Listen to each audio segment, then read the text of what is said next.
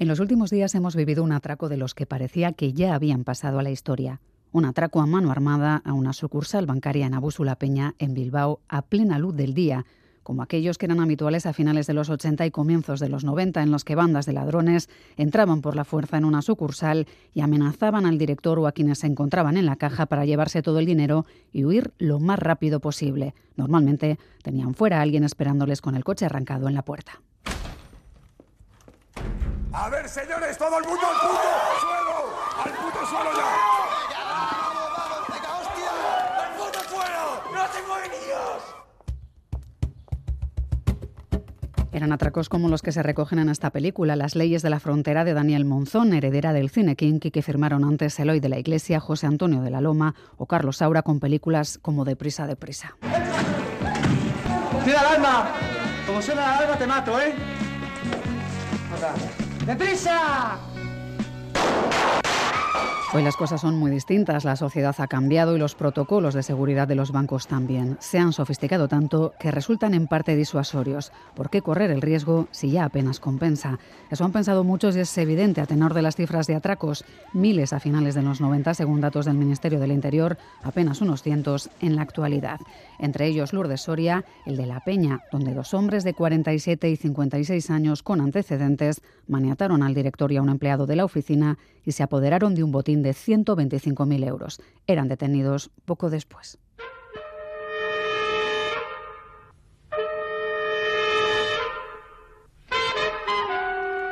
En la célebre película de José María Forqué, el atraco era a las 3. Os habéis vuelto locos, parece mentira. Señor Castrillo, ¿esto es un negocio como otro cualquiera? Negocio. Esto es un robo como la copa a un pino. Nosotros somos incapaces de robar a un semejante, pero un banco no es un semejante.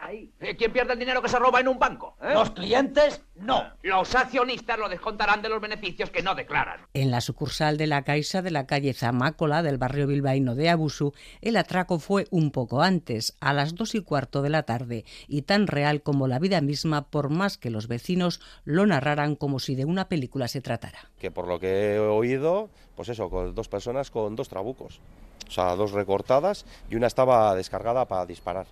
Y le han apuntado al director del banco de la Caixa en la cabeza. Pues nada, se han llevado el dinero y les han pillado aquí en el parque de la Campa. Dos hombres encapuchados irrumpían en efecto en el banco y armados con una escopeta recortada encañonaban al director y a un empleado de la sucursal. Les maniataban con unas bridas, llenaban en unas bolsas de plástico el dinero sustraído y tras empujar incluso a una clienta que se encontraba en el cajero automático, huían del lugar a pie. Contaba otro vecino asombrado por el modus operandi de los ladrones. Andando, ¿quién viene a atracar a un banco y se van andando? No sé, es mi punto de vista, ¿eh? Si llegan a verse lleva una moto o algo, pues igual no les echan mano. El caso es que andando y en direcciones opuestas, los atracadores se encaminaron a un parque cercano. Poco después llegaban al banco los efectivos de la Archancha y gracias a las indicaciones de algunos vecinos iniciaban la búsqueda de los delincuentes. Les encontraron en el parque. Yo iba al colegio por los niños y de repente he visto un coche de la Archaina súper rápido y detrás de él iban un montón. Bueno, del primer coche se, han bajado, se ha bajado uno de los Archainas corriendo hacia arriba, hacia el parque y nada, eh, a los gritos de tírate al suelo, tírate al suelo y de repente un montón de coches, un montón de coches. La policía estaba gritando agacharos porque estaban con escopetas y hombre, pues sí te crea ahí un poco, pero bueno, que no es normal que pasen estas cosas aquí.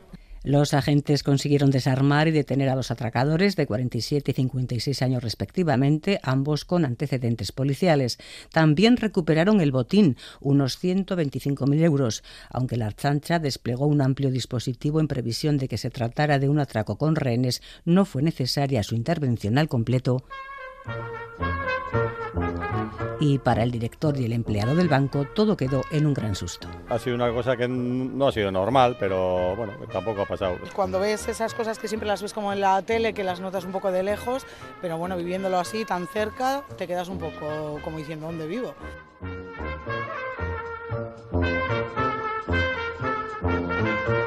Soy Miriam Duque, la encargada de abriros esta Gambara Negra, un podcast de crónica negra en el que hacemos que ciencia, especialistas y pruebas abren más que nosotros para recomponer la actualidad y tratar de entender la mente de quienes se escoran al lado oscuro. Alberto Moreno es jefe de la Oficina Local de Inteligencia de la Archainechea de Bilbao. Alberto, ¿qué tal? ¿Cómo estás? Hola, muy bien, gracias. Bueno, varios vecinos de la zona, pasado el susto, se extrañaban de que hubieran ido a cometer el atraco andando, sin un vehículo que les permitiera una rápida huida, como si no hubiese estado demasiado planificado o es demasiado pensar. Bueno, eh, bajo mi punto de vista, yo creo que la planificación sí existía, mejor o peor, mayor o menor, pero, pero hay datos que nos hacen ver que, que sí estaba planificado y con respecto al no haber usado un vehículo, pues, pues bueno, le digo que si en un momento llegan a cruzar la ría, por ejemplo, y se colocan en el paseo de los caños, pues igual otra otra cosa hubiera sido y, estaríamos ahora con una planificación perfecta. Hmm, sí, sí, la verdad es que puede ser, sí. Los atracos a mano armada parecían algo habitual en los 80, en los 90. ¿Han bajado el número porque hoy es más difícil atracar un banco? ¿Hay menos dinero en caja y, y más seguridad o sigue habiendo más de los que pensamos? No, yo creo que, hoy en día sabemos, sabemos cuáles son y, cuáles, y cuántos hay. Eh, sí que han bajado efectivamente y bueno pues tal y como tú dices pues pues es por todo un poco. Hay más medidas de seguridad. Eh, ahora mismo el entrar a un banco y el, y el ponerse a robar no es no es como antes. Eh, y los beneficios también son, son menores. No es como antes que utilizábamos más dinero en metálico, sino que ahora se utiliza mucho el, el pago mediante métodos digitales y, el botín también se ha reducido para, los atacadores. Claro, el asunto de las armas también parece distinto, ¿no? Se, se alarmaban mucho quienes se acercaban a la zona hablando de recortadas, incluso de, de escopetas. ¿Qué tipo de armas se suelen utilizar en los atracos a día de hoy? Bueno, principalmente armas de fuego porque lo que interesa es eh, atemorizar a, los trabajadores para que no duden y hagan y hagan lo que lo que el atracador les solicita. Entre las armas de fuego lo, más utilizado son las armas cortas por su más sencilla ocultación. Eh, si bien es cierto que en este caso utilizó un arma larga con los cañones recortados, eh, hizo uso del transporte público y nadie detectó nada hasta que no entra no entra al lugar y él mismo la, la saca, ¿no? En relación a, esta escopeta de, cañones recortados, pues hombre, el, temor que infunde debido a su mayor capacidad lesiva, pues pues es superior al de, al de un arma corta. Hmm. Aunque también es cierto que hemos tenido casos en los que han utilizado eh, un arma blanca, un cuchillo. Sí, o sea que en principio cualquier arma es susceptible de ser utilizada en un asalto de este tipo, pero es verdad que las armas de fuego parecen ser las, las más habituales. Eh, ¿Existen bandas que se mueven de un país a otro para atracar, como las que a veces mm, hacen esto en el robo de viviendas, por ejemplo? Bueno, si estamos hablando de atracos a bancos, eh, como el que hemos tenido eh, en La Peña, yo creo que no, ¿vale?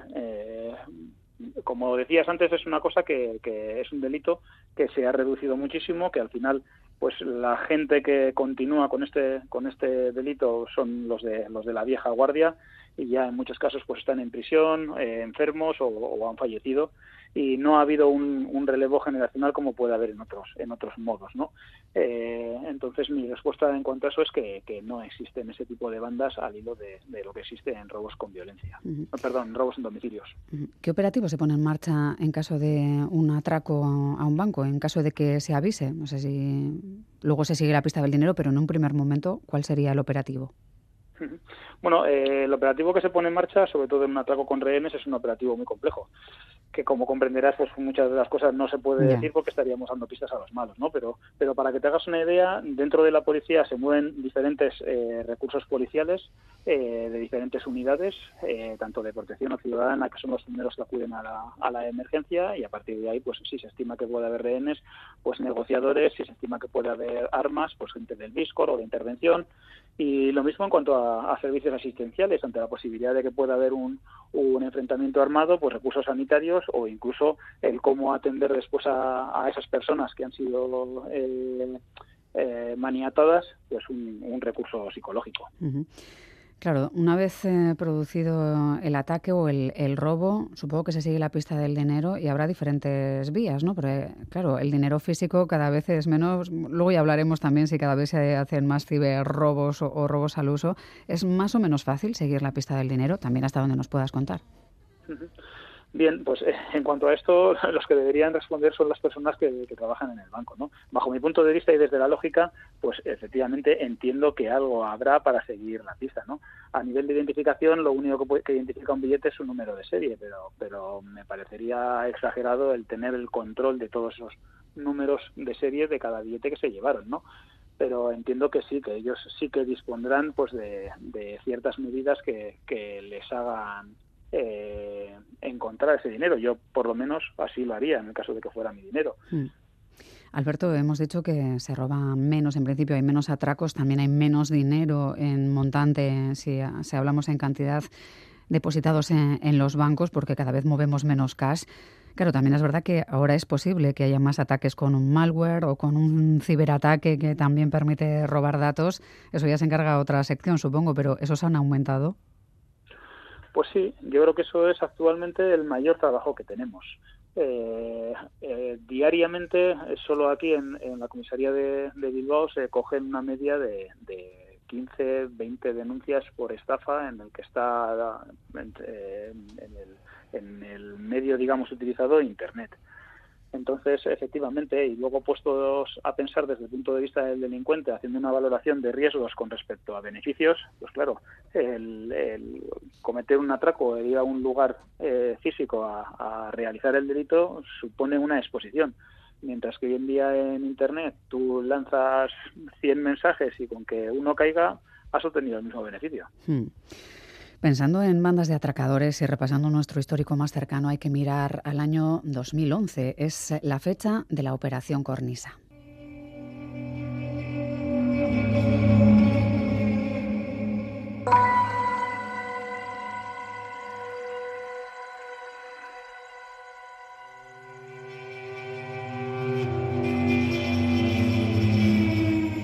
Policial que permitió desmantelar una banda de atracadores que operaba desde 2005. Siete individuos que aparentemente llevaban una vida normal, trabajaban y residían con sus familias en Bilbao, Portugalete y Causturriales y aproximadamente una vez al mes sacaban sus armas, se disfrazaban y cometían atracos. Nos preguntamos, Alberto, si es la última banda de atracadores o gran banda de atracadores que ha operado por aquí. Al nivel que operaba esta, esta banda, pues sí, efectivamente es la última.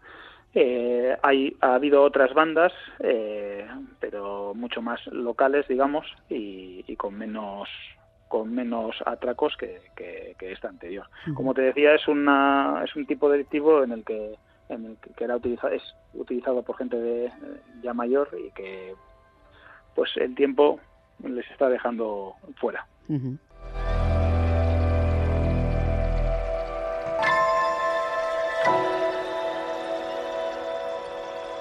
Carlos Basas es escritor especializado en novela negra. Carlos, ¿qué tal? ¿Cómo estás? Hola, muy bien. Nos acompaña, como es habitual, Iñaki Rusta, durante muchos años responsable de la Policía Científica de la Archancha. Caixo Iñaki, ¿qué tal? Caixo, Sondo. Bueno, 48 atracos. Eh, el de Cambrils fue la primera y única vez que habían disparado sus armas y, y, bueno, ahí por desgracia fallece Estela Calduch, de 25 años, desangrada tras recibir un disparo en el cuello que le partió, dicen, la vena carótida. ¿Cómo se desencadenan las detenciones y en qué punto y cómo recuerdas tú el caso, Iñaki? Bueno, es un trabajo largo, eh, un proceso de investigación eh, muy profundo en el cual, una vez obtenida la información de eh, los posibles elementos que de alguna manera formaban este grupo, pues empezó a trabajar. tenemos que tener en cuenta que era gente que desarrollaba una vida aparentemente normal, ¿no? Tenían sus actividades profesionales, tenían sus familias y el grado de dificultad era, era importante. Sí que actuaban, a, digamos, a cara descubierta, pero de alguna forma pues eh, ponían sus elementos de, para poder pasar desapercibidos, ¿no? de camuflaje. El punto de inflexión fue cuando cometieron el hecho en Cambridge, que ahí es, porque estos aproximadamente venían a cometer como un atraco al mes o así. ¿eh? Cometían el atraco y luego esperaban y hasta, el siguiente mes. Pero una vez cometido el hecho, hay que el asunto se les fue de las manos, pues de alguna manera pasaron un poco a, a, dejar de actuar, dejar de actuar por decir de alguna manera. Y sí, se hizo un trabajo de colaboración, tanto lo que es la Policía Nacional, los Mossos, la Guardia Civil y lo que es la Artanza, nosotros y dentro de lo que es el trabajo de la actividad de policía científica se hizo un trabajo eh, muy concreto que era el poder con las imágenes que nos distribuyeron los mozos el tema de las caras, poder llegar a discernir si de alguna manera esos rostros, esas caras pudieran corresponder a una serie de individuos que se estaban trabajando dentro de la investigación. Mm. Eso se llama el estudio fisionómico. ¿eh? Dentro del departamento de antropología. Y bueno pues eh, se hizo un trabajo un trabajo importante y de ahí pues eh, dieron sus frutos y sus réditos. Es todo eso en conjunto con todo lo demás que se iba desarrollando llevando a cabo para no dejar ningún género de dudas que se trataba de ellos, como al final así fue. Pero fueron importantes las cámaras de seguridad del banco, por, por lo mismo que dice Iñaki, porque sabemos que entre los arrestados estaba el presunto asesino de la empleada de la sucursal, conocido como Bravo.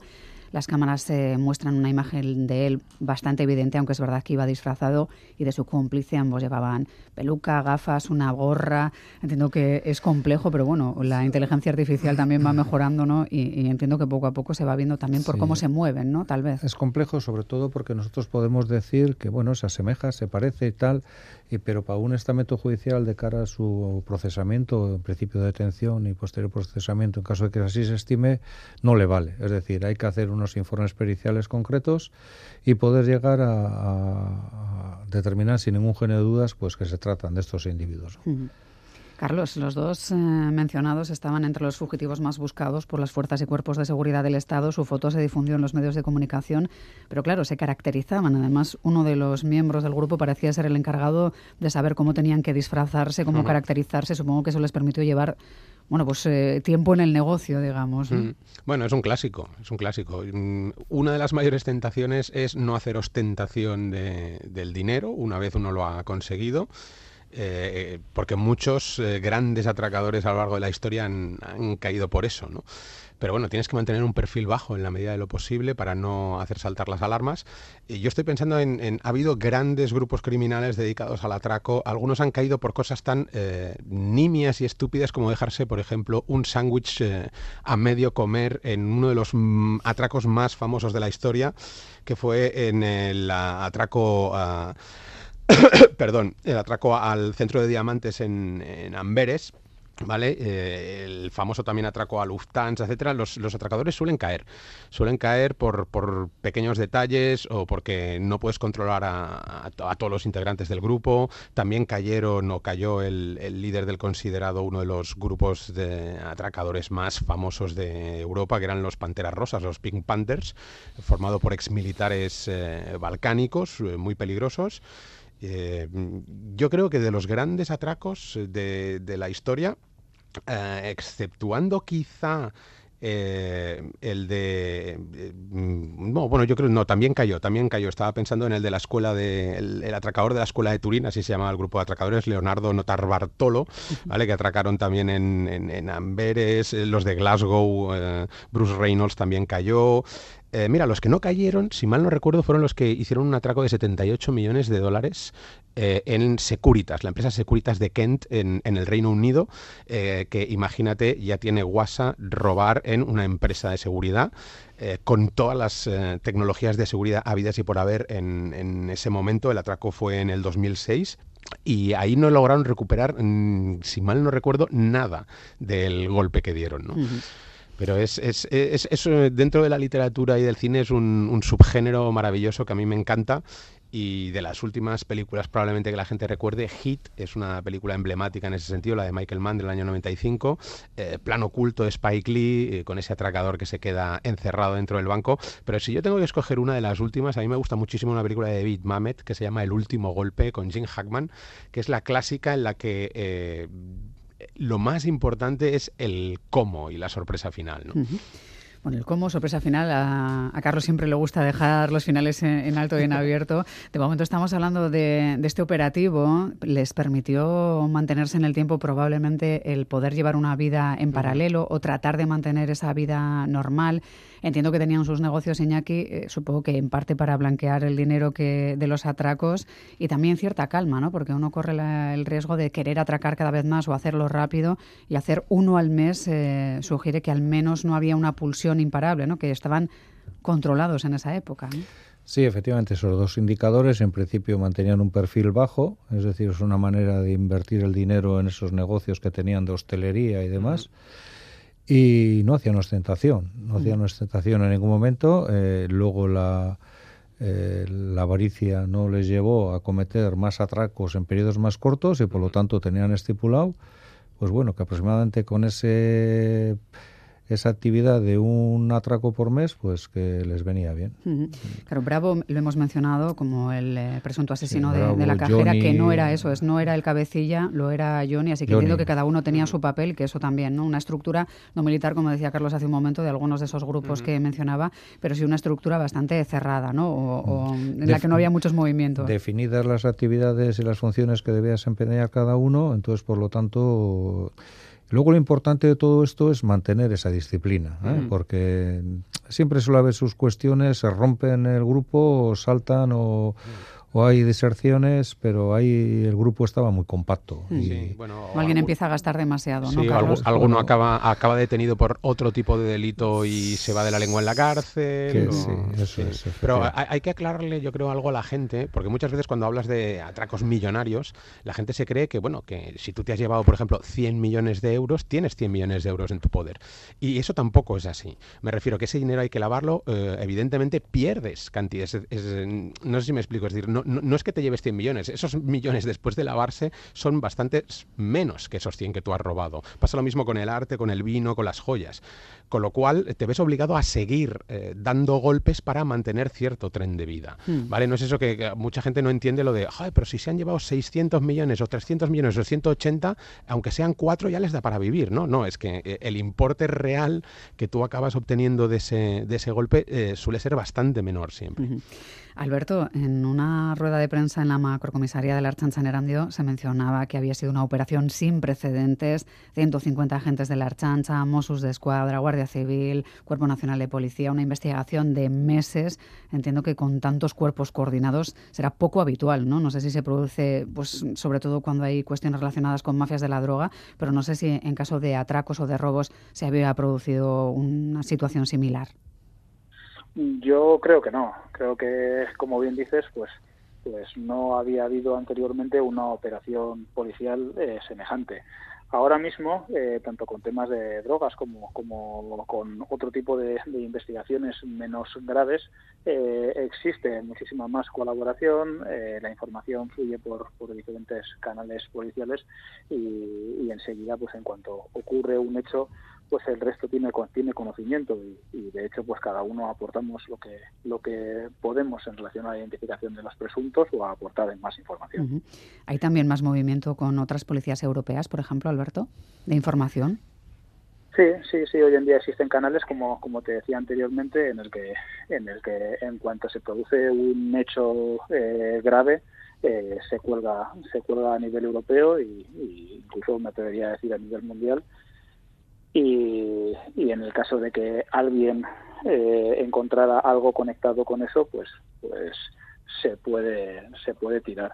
Eh, tanto a nivel eh, digamos inmediato se produce un hecho grave cerca de la frontera y rápidamente se comunica a, Francia por si acaso hubiera una huida para que tenga conocimiento como como algo más a largo plazo pues Alberto Moreno, jefe de la Oficina Local de Inteligencia de la Archainechea de Bilbao. Es que ricasco. Muchísimas gracias por este análisis sobre la evolución que se ha producido en los últimos 30, 35 años, diríamos, en el mundo del atraco a mano armada. Hasta la próxima, Alberto.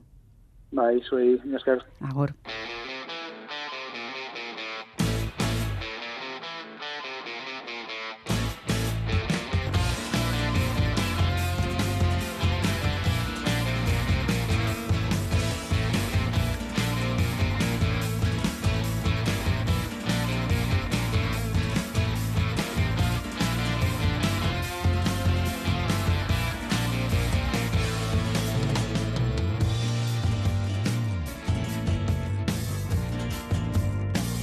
septiembre el sobresalto llegaba desde Tortosa. Era un atraco a mano armada. Esta vez en un bingo en el asalto era asesinada una de las empleadas. Los Mossos de Escuadra detenían a cinco personas y comenzaba una investigación que llevaba a descubrir que se les buscaba también por varios robos en Navarra.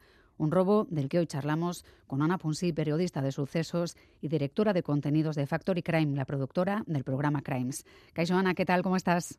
Hola, ¿qué tal? Muy bien, Miriam, ¿y tú? Pues bien, con ganas de charlar contigo y de analizar mejor eh, este caso, porque desde fuera nos eh, pareció un asalto muy violento. Cinco personas fueron detenidas y al menos una lograba huir vía Francia en un primer momento. ¿Qué se sabe de los asaltantes a día de hoy? No sé si llevaban mucho tiempo operando juntos. ¿Qué sabemos de, de la banda? Lo que sabemos que justamente como tú decías, llevaban tiempo operando juntos. De hecho, había abierta una investigación de la Guardia Civil y otra de Policía Nacional y esto sorprendió un poco a los Mossos de Escuadra cuando hubo el crimen. De hecho, sucedió a medianoche, justo cuando estaban cerrando este bingo de Turtosa. Como decías, la víctima que se llamaba Olga y que tenía 50 años, mira tú qué mala suerte, que Mm. solo llevaba tres días en este bingo, estaba Sí. haciendo una sustitución y su idea era trasladarse después a, otra zona de, de Cataluña y esa noche pues tuvo esta mala fortuna que estos individuos entraron allí para robar y eh, bueno, ellos en principio estaba un cliente que estaba acabando de jugar a una máquina tragaperras y estaba también Olga, esta trabajadora, iban a cerrar pronto cuando estos individuos asaltaron este bingo y eh, los Mossos de Escuadra creen que el menor de edad que está en un centro de internamiento pues ah, habría pues justo disparado una bala en la nuca a esta trabajadora.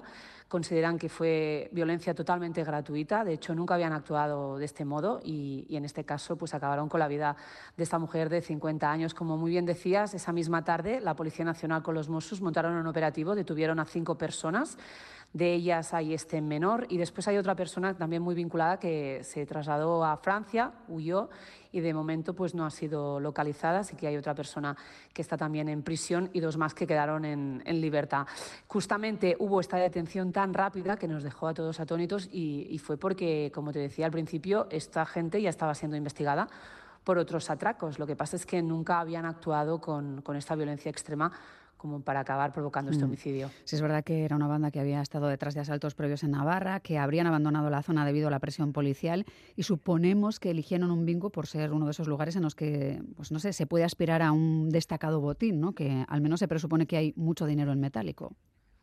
Exacto, y, justamente cuando está cerrando, ¿no? Esto pasa también mucho con los atracadores de supermercados o de bancos, que esperan momentos en los que haya bastante recaudación y eso suele ser al final del día, ¿no? Justo este bingo, como te decía, era ya pasada medianoche, quedaba solo este cliente y ya iban cerrando, por lo tanto ellos consideraron que era una buena hora, ¿no? También una buena hora para que la policía esté un poco más despistada, porque todos sabemos que de noche hay menos patrullas, hay menos gente por las calles, hay menos testigos, por lo tanto es una hora que ellos también pues para pasar más desapercibidos y también poder huir, huir con, más, con más facilidad. Mm, Supongo que analizaron la zona los días previos, pero claro, eso se, se podrá saber hasta cierto punto, ¿no?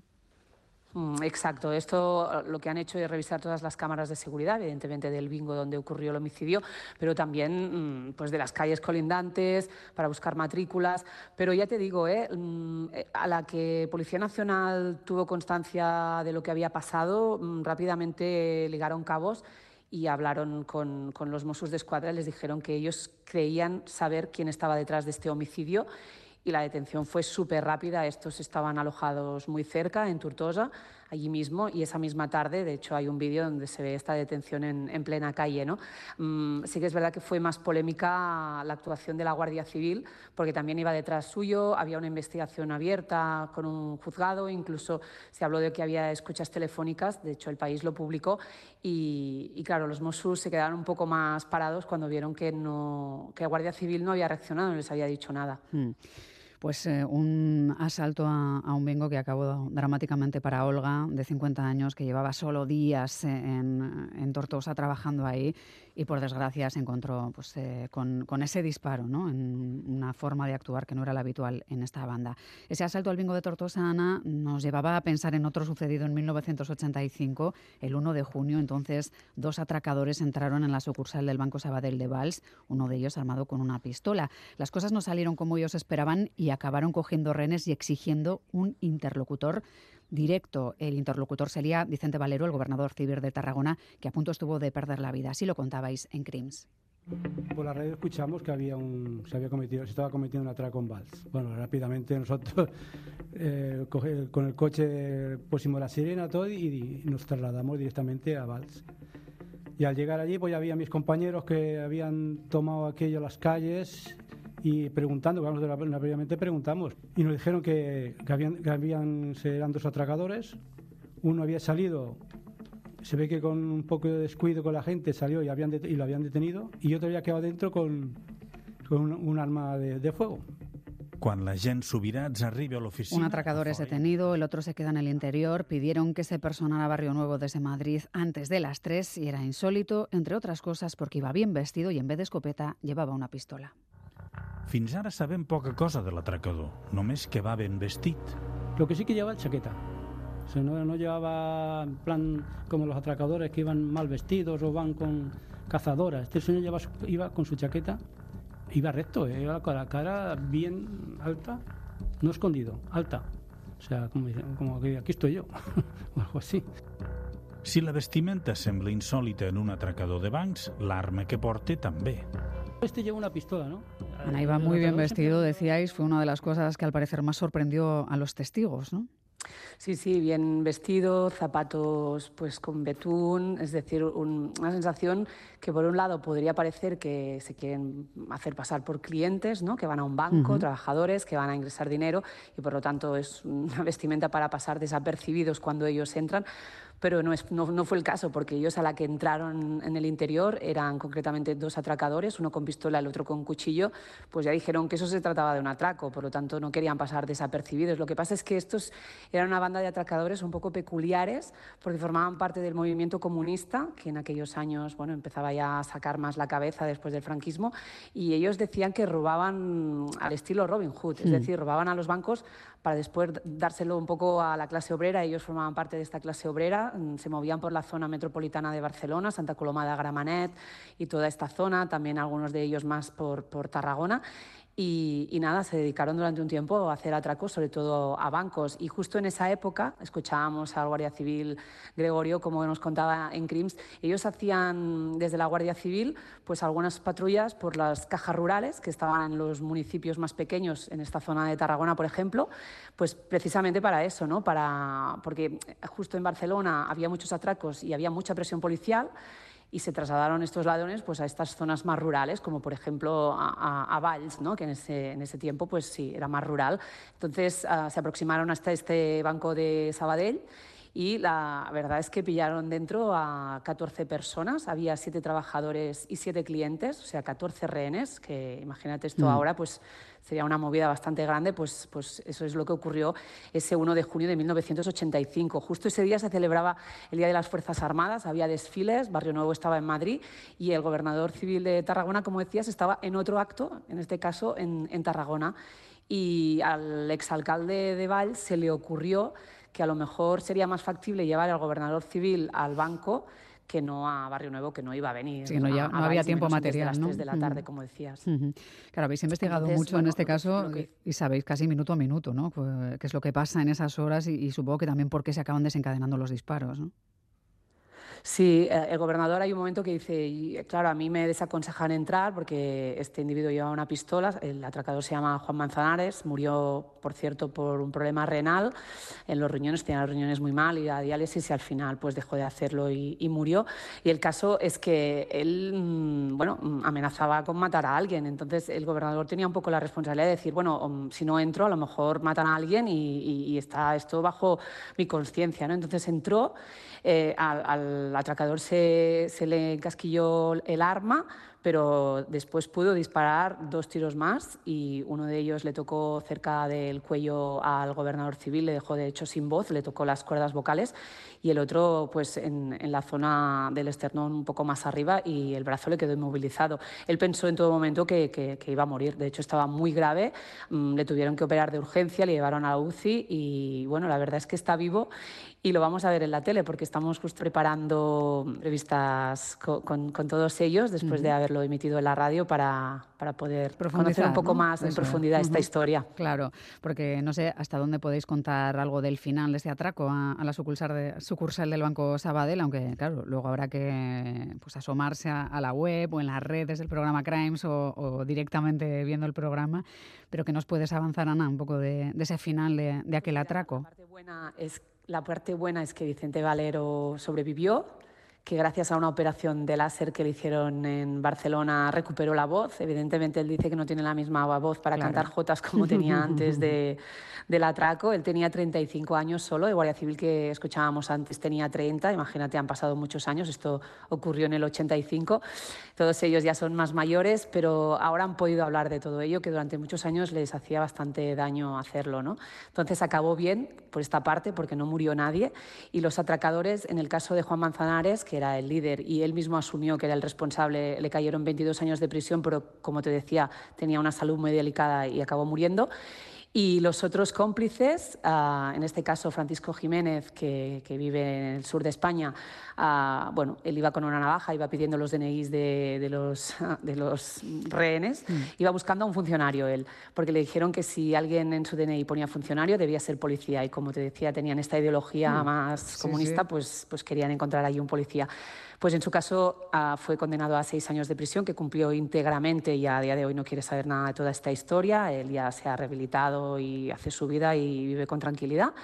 Y había otra persona, Josefa Sánchez, que era la mujer de Manzanares, que era la persona que les estaba esperando con el coche fuera y que a la que vio que los detenían, pues salió pitando de allí, pero al final también la detuvieron, también le cayeron seis años, también está totalmente reinsertada en la sociedad, no quiere saber tampoco nada de esta historia, lo hemos intentado. Y nada, simplemente nos dicen que ellos ya cumplieron con la justicia, cumplieron los años de prisión que les cayeron y que siguen con sus vidas. Bueno, pues está claro que desde el programa CRIMS eh, habéis conseguido atar todos los cabos posibles. A veces en las historias quedan cabos sueltos o no quiere todo el mundo revivir una parte de su pasado porque a veces es más oscura. Pero en todo caso recomendamos mucho seguir la pista de ese trabajo. Ana Ponsi es periodista de sucesos, directora de contenidos de Factory Crime, la productora del programa Crimes, Crims, eh, y agradecemos mucho que haya estado hoy aquí. Es que ricasco, ¿eh, Ana? Muchas gracias a vosotros. Buenas noches. Y esperemos que hasta la próxima. Adiós.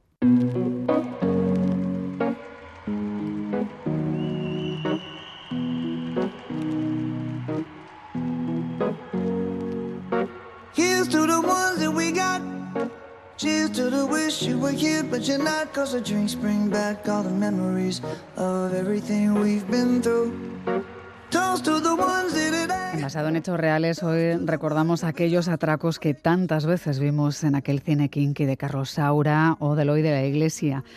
Clásicos, Carlos, que a menudo en vez de actores usaban a, los propios protagonistas de, aquellas vidas marcadas por las drogas, la delincuencia, y que empezaban haciendo puentes a coches y acababan, bueno, pues asaltando farmacias o bancos, ¿no? Era tremendo. Sí, aquella era una seña de identidad, ¿no? El usar no actores profesionales, sino a los propios chavales de, barrio, eh, algo que empezó a hacerse tiempo antes en el neorrealismo italiano.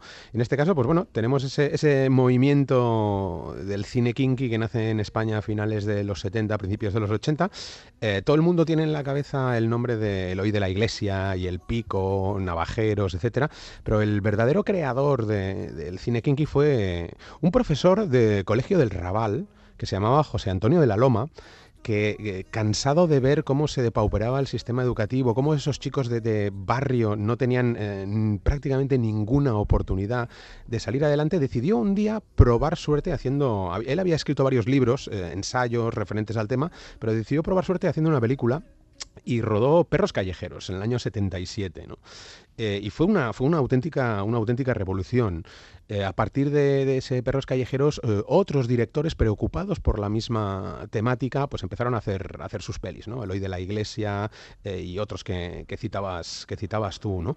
nos dieron a conocer a gente como el Vaquilla, como el Torete, el Pirri, el Jaro, y una serie de películas que por primera vez daban voz a esa juventud de, de extrarradio de la España de, los 80, ¿no? Es eh, la España de la heroína, la España de la rumba, de los chunguitos y la mitificación de ese héroe de barrio o de, de extrabarrio que tiene que hacer lo que sea necesario eh, para mantenerse eh, él, para mantener a su familia y para, salir adelante. ¿no? Era una, mm.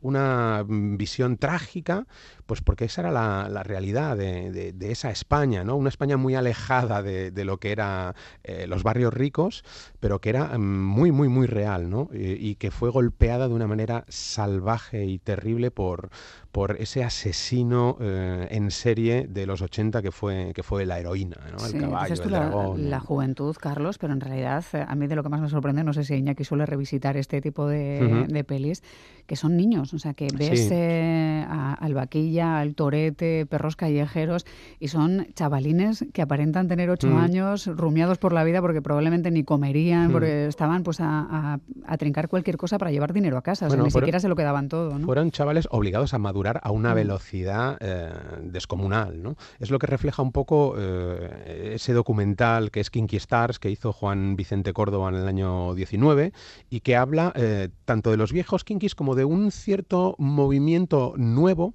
que está teniendo lugar ahora, que es el de los nuevos Kinkis. ¿no? Es, es, sigue siendo chaval de extrarradio, chaval de, barrio, se ha sustituido lo que sería la rumba por el rap o, el trap, y uno de sus eh, exponentes en cuanto a la dirección más interesantes, eh, y, animo a la gente a que vaya a YouTube, porque él mismo tiene puestos en YouTube de manera gratuita sus películas, es un alicantino que se llama Carlos Salado, que tiene dos pelis eh, tremendamente interesantes si os queréis acercar a ese nuevo movimiento de, de lo neokinky, ¿no? que son Criando Ratas, que es del año 2016, y Mala Ruina, del año 2018. Es el equivalente del cine de finales de los 70, principios de los 80, pero revisitado hoy, con chavales de hoy, es decir, son una vez más actores no profesionales, sino chicos reales de barrio, que, bueno, con eh, la historia un poquito eh, guionizada, pues cuentan su, su realidad, eh, su día a día, ¿no? Contar lo que está ocurriendo ahora en,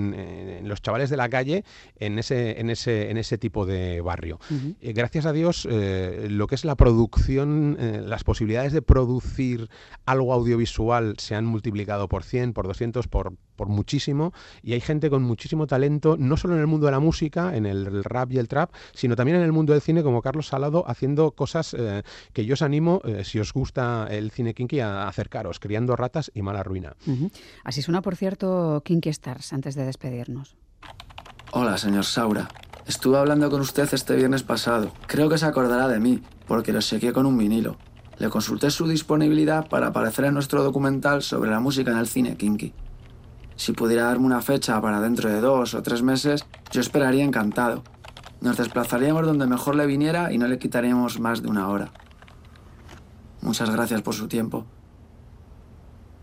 El mundo está lleno de gilipollas y muchos de ellos con derecho a voto. Te voy a dar la mitad de la mitad. Así va sonando un poco este tráiler de, de King Stars. El Coletas es uno de los que sale por ahí, ¿no? Son un poco más mayores que, aquellos mm. Kinkis y, bueno, entiendo que, que Iñaki está ahora fuera del negocio y, no lo sufre, ¿no? Pero me imagino que una época en la que uno tiene que detener a, gente muy jovencita y mm. sabes que está perdiendo el tren a la primera probablemente es duro, ¿eh? Era, es verdad, era una época, una generación que se fue, gente muy joven, como bien dijo, ha dicho Carlos, pues al final se tenía que buscar la vida muchas veces no tenían ni para comer, cosas que hoy serían impensables en chavales de esa edad, pues al final todavía están tomando teta, como decía el otro, mm. ¿no? Pero bueno Pasaban de la pues, merienda a atracar. la vida la vida es así. Eh, mm. al final cuando hay necesidad eh, la necesidad aprieta no no, mm. queda otra. La vida de los 80 era muy dura no sé la de Kinky Stars como de dura es. Sí pero eh, más allá de ser un cine mm, sobre la delincuencia en, esos barrios er, era un cine de una gran crítica social y política. Es decir lo que había debajo de, esas películas iba muchísimo más allá y por eso José Antonio de la Loma quiso usar el cine para contar este tipo de historias iba mucho más allá de, la mera anécdota, ¿no? Por decirlo de algún modo. Eh, tiene una carga social absolutamente increíble. Y qué grande es escuchar siempre la maravillosa voz de José Sacristán diciendo verdades como puños. Eso es. Pues eh, con esta propuesta que nos llevaba desde el cine Kinky de Eloy de la Iglesia, el de Juan Vicente Córdoba, con Kinky Stars y propuestas como Criando Ratas o, Mala Ruina, cerramos este repaso al mundo de los atracos. Eh, Iñaki Lusta, como siempre, muchísimas gracias. Es que recasco, ¿eh? Es que recasco, Suri. Es que recasco, Carlos Basas, ¿eh? También para ti. Un abrazo. Nos vemos. Nos vemos. Un abrazo, Carlos.